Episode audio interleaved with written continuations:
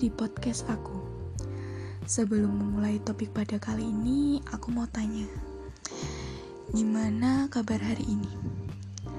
Lancar semua atau ada sedikit hambatan? Semoga hari esok bakal lebih kuat lagi ya dalam menjalani hari. Uh, pada podcast malam ini, aku akan bahas tentang love language. Mungkin dari pendengar ini ada yang sudah tahu dari definisi apa itu love language. Bagi yang belum tahu, aku akan mendeskripsikan secara umum dan secara singkat apa itu love language. Love language atau bahasa cinta adalah cara bagi seseorang untuk mengekspresikan rasa cinta kepada orang lain.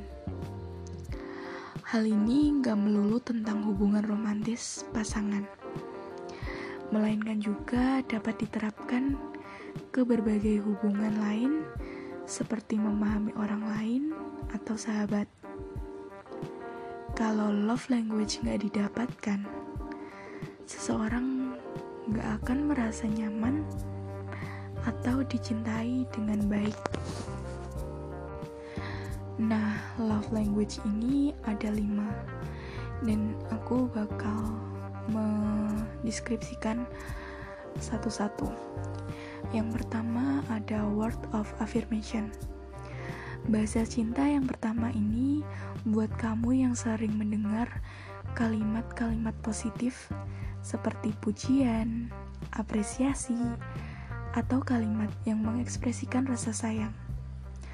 Kalimat tersebut menjadi dasar keyakinan bahwa pasangan kamu benar-benar mencintai dirimu. Misalnya, kamu seneng banget nih ketika pasanganmu ngomong, "Aku sayang banget sama kamu." Selain itu, kalimat apresiasi lainnya seperti "Makasih banyak ya sayangku." Udah membahagiakan aku selama ini. Merupakan kalimat yang paling ditunggu yang mempunyai bahasa cinta word of affirmation. Karena dengan hal tersebut kamu merasa diapresiasi. Mungkin terdengar sedikit aneh tapi nggak ada salahnya kok dengan jenis love language yang satu ini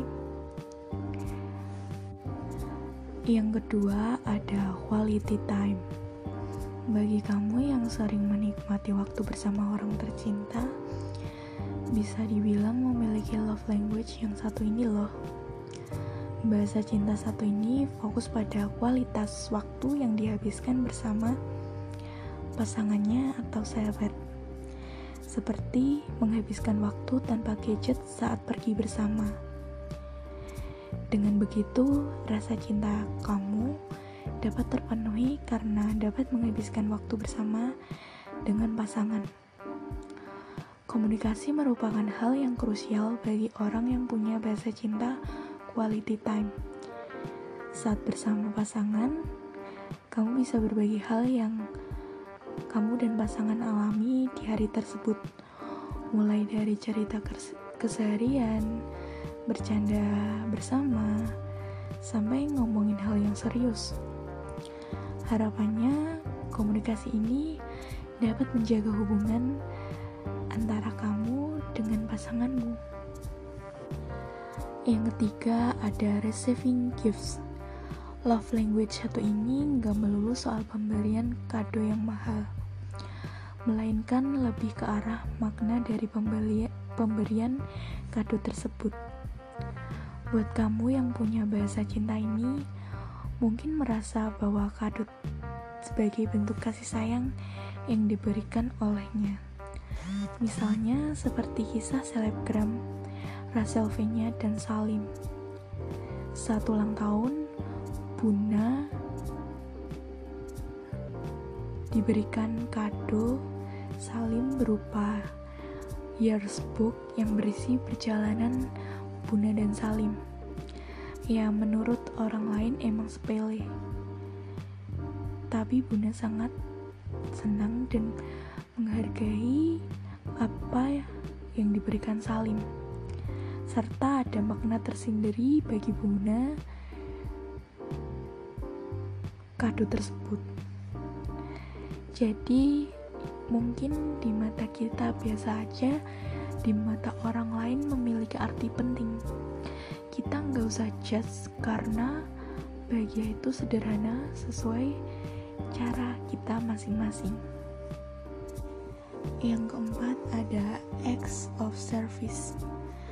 Bagi mereka yang punya love language satu ini, kata-kata seperti I love you menjadi nggak terlalu berarti, melainkan lebih ke arah talks less do more. Atau nggak usah ngomong doang deh. Nah, bagi pasangan kamu memperlakukan diri kamu lah yang terpenting. Mulai dari hal kecil sampai hal besar. Dengan begitu kamu bakal merasa lebih dicintai dengan baik oleh pasangan kamu misal kamu seneng pas pasangan kamu nganterin kamu balik ke rumah karena mungkin pasangan kamu pengen mastiin kamu sampai rumah dalam keadaan baik-baik aja. Dengan begitu, kamu merasa dicintai dengan sepenuh hati oleh dia, serta memupuk lebih rasa cinta kamu dengan dirinya. Nah, yang terakhir ini ada physical touch. Bahasa cinta satu ini bukan berarti kamu dengan pasanganmu melakukan hal-hal negatif loh, melainkan sebagai bentuk afeksi dari pasangan kamu kepada diri. Seperti misalnya berdekatan dengan dirinya, menggenggam tangannya, memeluk dirinya, mengusap rambut, secara tulus. Alhasil, kamu merasa dicintai oleh dirinya. Jadi, physical touch itu gak melulu tentang hal-hal yang negatif. Kayak gitu aja kamu udah merasa nyaman sama dia.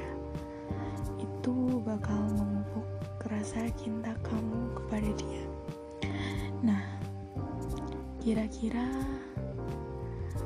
begitu ya lima jenis love language yang ada tentunya setiap orang memiliki bahasa cinta yang berbeda-beda maka dari itu penting buat kamu mengetahui apa sebenarnya love language diri kamu dan pasangan.